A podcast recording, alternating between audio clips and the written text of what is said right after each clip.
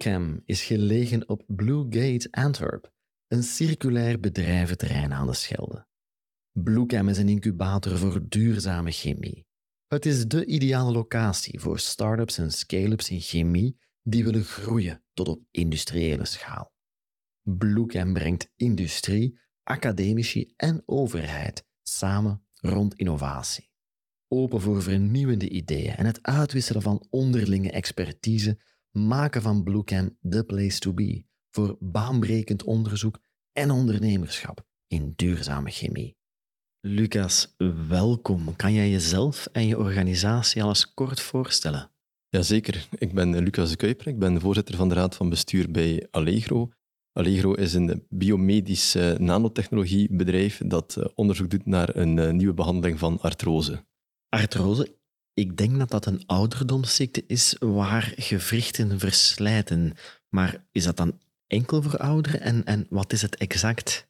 Dat is inderdaad uh, deels correct. Dus artrose is inderdaad een uh, ziekte die de gewrichten uh, treft. Het is een degeneratieve ziekte die dus eigenlijk steeds erger en erger wordt, waarbij dat de gewrichten worden aangetast. Dat zijn heel vaak de knieën of de, of de heup. Hierbij ondervindt de patiënt eigenlijk pijn, stijve gewrichten, verminderde mobiliteit. Daar kan ook zwelling bij komen en ja, eigenlijk het weggaan van het kraakbeen en zodoende is het eigenlijk een, eh, een groeiende pathologie die niet alleen bij oudere mensen klassiek voorkomt, omwille van ja, eigenlijk gewoon verslijt van het gewricht, maar ook bij jongere mensen omwille van heel intensief sporten, traumatische ervaringen of ja, lifestyle en overgewicht.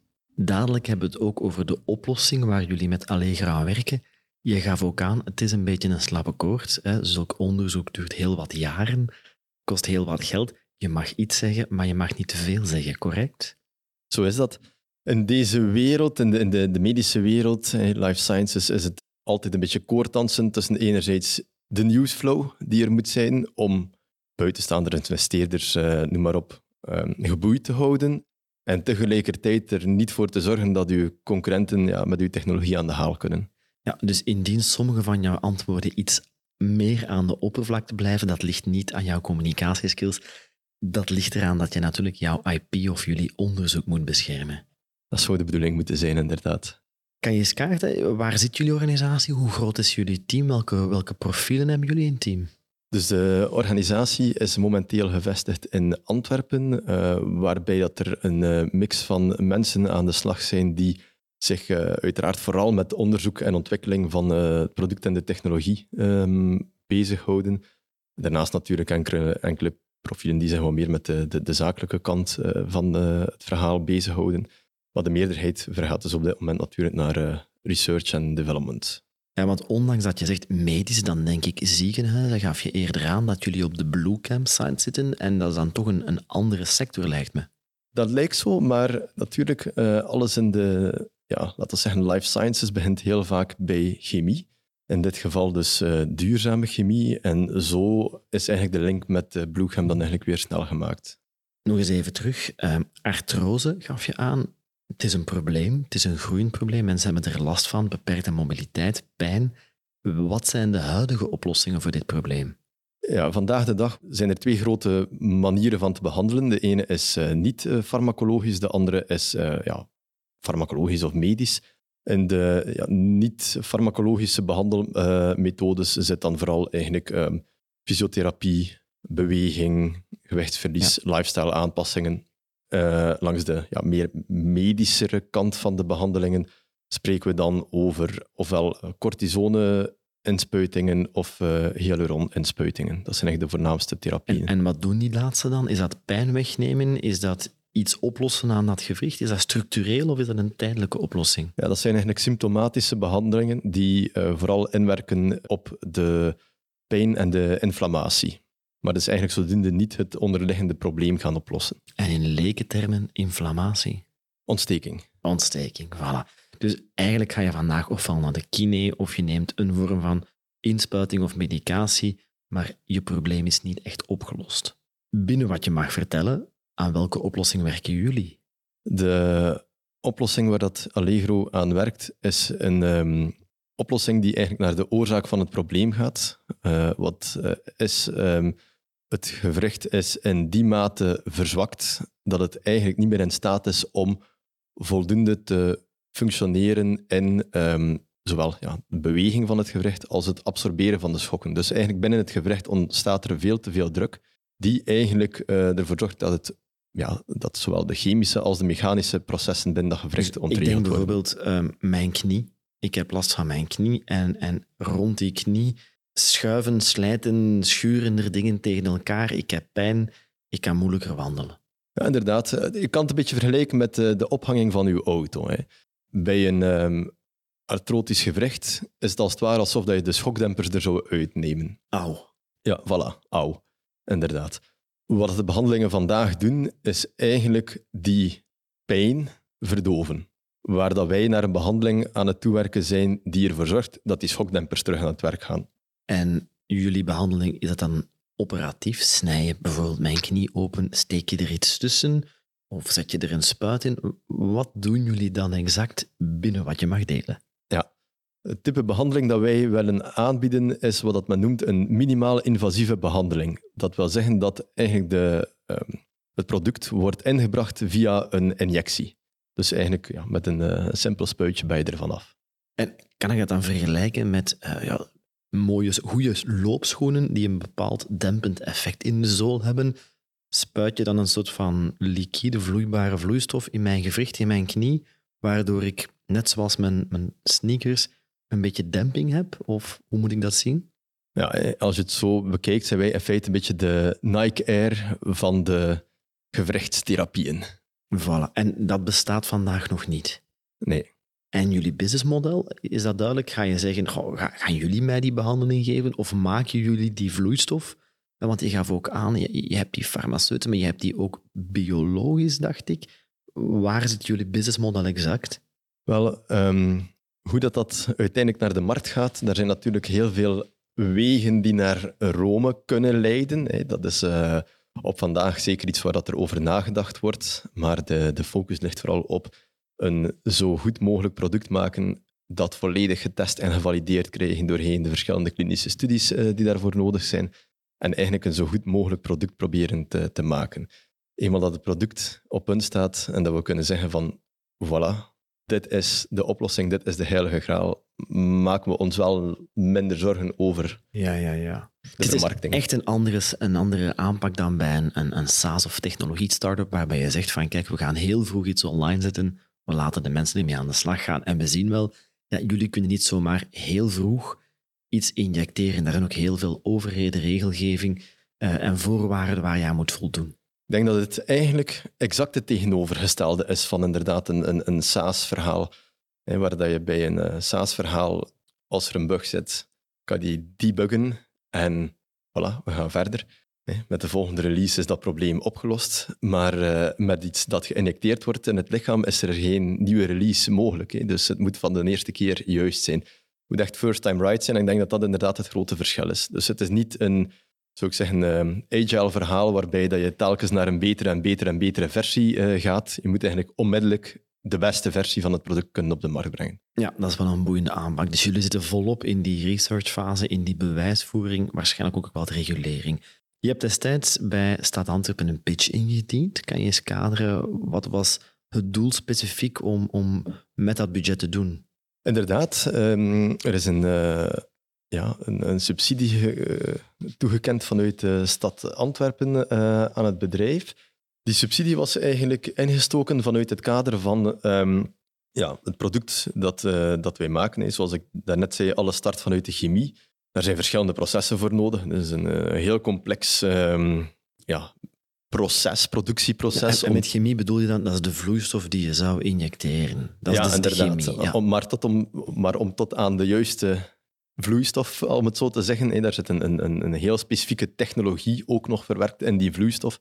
Om tot dat punt te komen, ja, daar gaat wel heel wat chemie aan vooraf. Dus dat is eigenlijk echt ja, een, een beetje zoals dat je een um, productielijn van een wagen uh, zou zien, waar je de motor uh, wordt gemaakt, de, de, ja. de, de, ophanging enzovoort. Dat komt dan allemaal samen. Wel, eigenlijk is dat een beetje hetzelfde, alleen ja, je ziet dat niet, want dat is allemaal een ja, microscopische uh, grootte.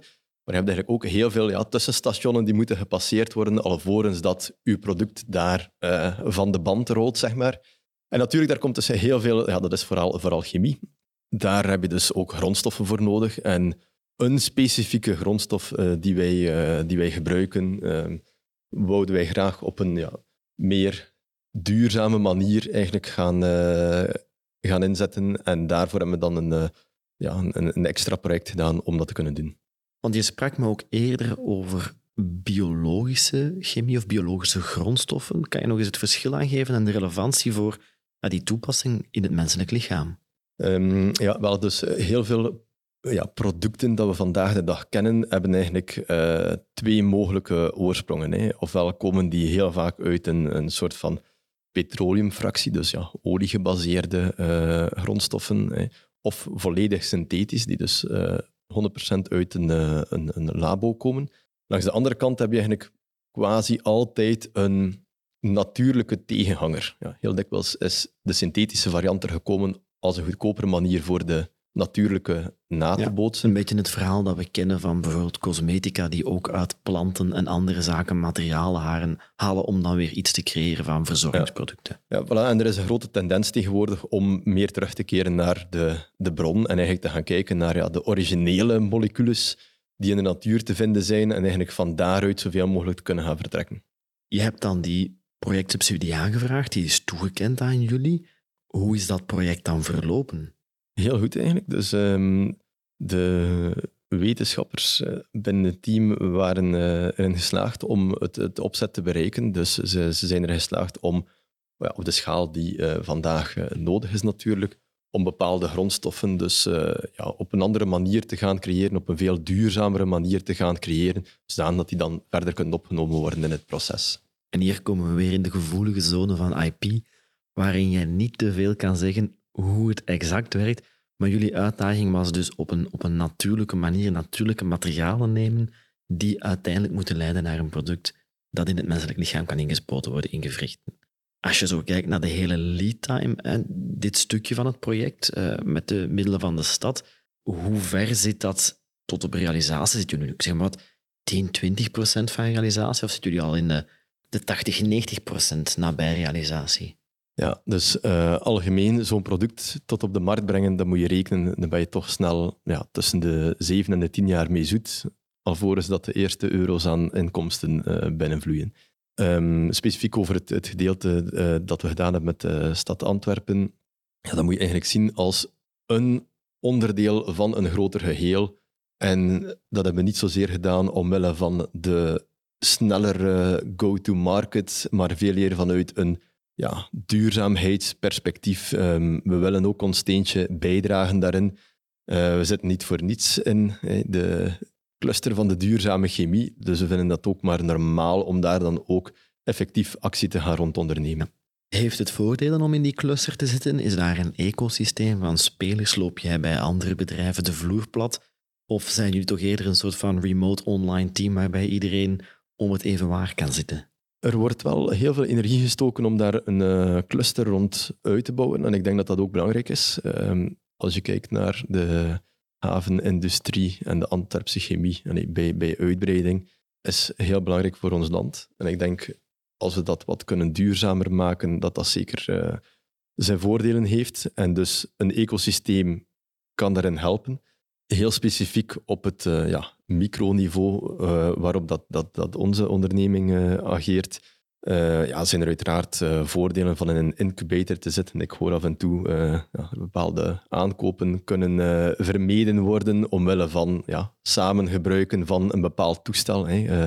dat soort van apparatuur die daarvoor nodig is, kost stukken van mensen. Dus als je met verschillende bedrijven samen iets, iets kan delen, is dat altijd wel heel mooi meegenomen.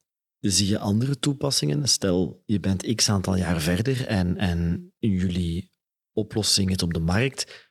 Dat werkt dan bij artrose. Zijn er binnen het menselijk lichaam nog andere toepassingen? Of hetzelfde, zeg maar wat, eh, mensen geven heel veel geld uit aan huisdieren, honden die verouderen, springpaarden.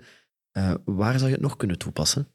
Ja, dus het product moet je eigenlijk zien, of de technologie achterliggend is wat men noemt een platformtechnologie. Dat wil zeggen dat dat eigenlijk een platform vormt richting, een springplank als het ware, richting andere toepassingen. Die zijn er enerzijds inderdaad binnen het uh, menselijke lichaam, hè, uh, heel voor de hand liggend. Als je een uh, artrotische knie kan behandelen, ja, dan kan je eigenlijk bijna by default ook een artrotische heup gaan behandelen. En in het verlengde daarvan zijn er natuurlijk nog heel veel verschillende toepassingen. Inderdaad, een zijsprong naar de veterinaire markt zou in principe ook een optie kunnen zijn.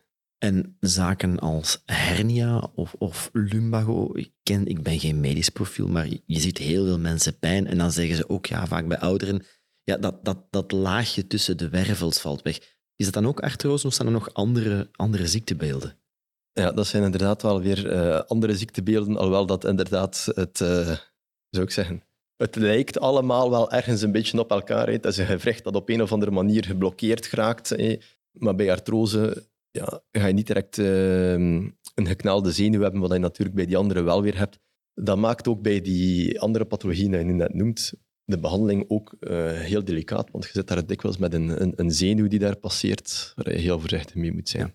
Het is ook een nieuwe oplossing. Um, je, als je dit zou willen schalen wereldwijd, ja, je zit hier in België, in Europa, met overheidsregels. Hè. Dus waarschijnlijk heel streng zijn. Je spuit een lichaamsvreemde stof, of nu biologisch of niet, in het lichaam. Hoe makkelijk schaal je dit? Want daar zit je weer met die SaaS. Ja, als ik software maak en ik zet die in het Engels en ik ben een beetje compliant met de Amerikaanse markt, met mijn servers, dan kan ik dat daar aanbieden. Voor jou zal dat waarschijnlijk iets complexer zijn. Het is anders hè, dan SaaS natuurlijk, omdat je over een fysiek product spreekt. Dus je spreekt over een fysieke productie eh, ja, installatie, een productieketen die daar, moet, uh, die daar moet gebouwd worden en die dus in functie van de schaal telkens groter en groter en groter wordt. Hè. Echt een, een fabriek als het ware. Um, desalniettemin, we hebben natuurlijk vanaf de designfase, goed, dat is natuurlijk niet mijn eigen verdienste, maar het team heeft dat zodanig bekeken dat het uiteraard by design opschaalbaar is. En ik denk dat dat heel belangrijk is, net omwille van die reden als je wil groeien, dat je daar niet met een supercomplexe chemische structuur zit, uh, waar die heel moeilijk te reproduceren is. En dus eigenlijk ga je al in je onderzoek uit van ja, wat is de wetgeving, ook hoe kunnen we dit makkelijk creëren. Ik denk een beetje terug aan de COVID, toen moesten er heel snel faciliteiten worden opgestart. Als je dit morgen in de States of ergens anders wilt aanbieden, dat neem je al mee in de designfase.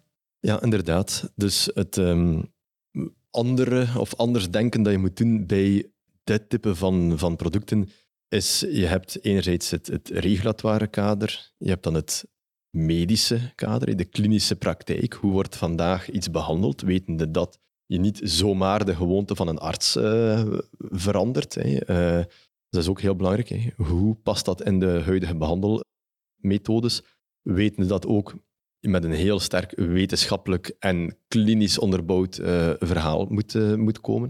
Dan heb je de Hans productie, hè, het opschalen daarvan, de grondstoffen, uh, hoe maak je het, tot en met ja, hoe ga je zoiets gaan specifiek gaan vermarkten. Hè. Dat is ook een heel belangrijk deel rond quality die daarbij bij zit. Hè. Zoals daarnet gezegd, het is first time right. Er is geen ruimte voor een fout. Hè. De, de, de, de error margin is nul. Ja, want er zijn mensen die dat in hun knie geïnjecteerd krijgen en nog 30, 40 jaar leven. Ja, voilà. Dus dat ding moet 30, 40 jaar goed zijn. Het, ja, je foutmarge is, is absoluut nul, dus dat is ook nog een belangrijk ding.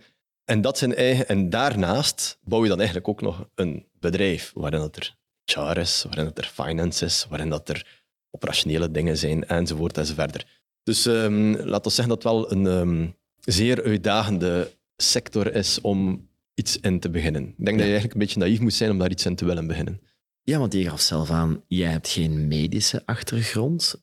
Van waar kwam het, het initiële idee dan, of de link? Ben je gevraagd? Er, was er iets in je omgeving? Hoe staat een jong persoon als jij op iets als artrosebehandeling? Ja, inderdaad. Het is een beetje um, een combinatie geweest. Ik ben er altijd bijzonder in geïnteresseerd geweest in ja, regeneratieve geneeskunde, hoe groeien... Uh, ja, weefsels die beschadigd zijn vanzelf weer um, terug. Dat is ook iets waar dat mijn, uh, mijn vrouw geweldig veel mee bezig is, met alles dat te maken heeft met gezondheid en, en, en ja, de, heel veel helende kracht die zit in alledaagse dingen. Hè. Dus dat boeide mij sowieso. Ehm, maar uiteraard, ja, ik heb daar geen achtergrond in. Hè. En dan eigenlijk ehm, via mijn netwerk uh, met iemand in contact gekomen die eigenlijk daarop bezig was. En zodoende eigenlijk ja, geïnvesteerd in dat verhaal. En, en, en zo is de bal aan het rollen gegaan. Voor jullie bedrijf Allegro, welke zijn nu de volgende stappen? Je hebt met die middelen van de Stad Pride gedaan, maar je zei het is één stapje in een jarenlang ontwikkelingstraject. Waar kijk je de komende maanden naar uit? Waar werk je naartoe? De komende maanden staan eigenlijk uh, voor ons vooral in het teken van ja, verder uh, optimaliseren en valideren van uh, het ja, product dat nu in de pipeline zit. Ja, misschien om af te sluiten. Waar komen we jou tegen in Antwerpen? Als mensen zeggen, ik vind dat wel boeiend, ik wil graag investeren, ik wil graag eens met Lucas aan de praat gaan. Waar vinden we jou in de week of het weekend? Ja, ik ben wel een fan van uh, Zo het Zuid. Uh, dat is wel een, uh, een toffe buurt, eh, vind ik. Met leuke restaurantjes daar. Het nieuwe restaurant aan de, de Madonna. Dus, ja, ja, ja, daar op Nieuws uit die omgeving. Ja, daar zijn wel heel veel toffe zaken. En ehm, heel aangename sfeer ook aan de kaaien enzovoort om te wandelen, winkeltjes.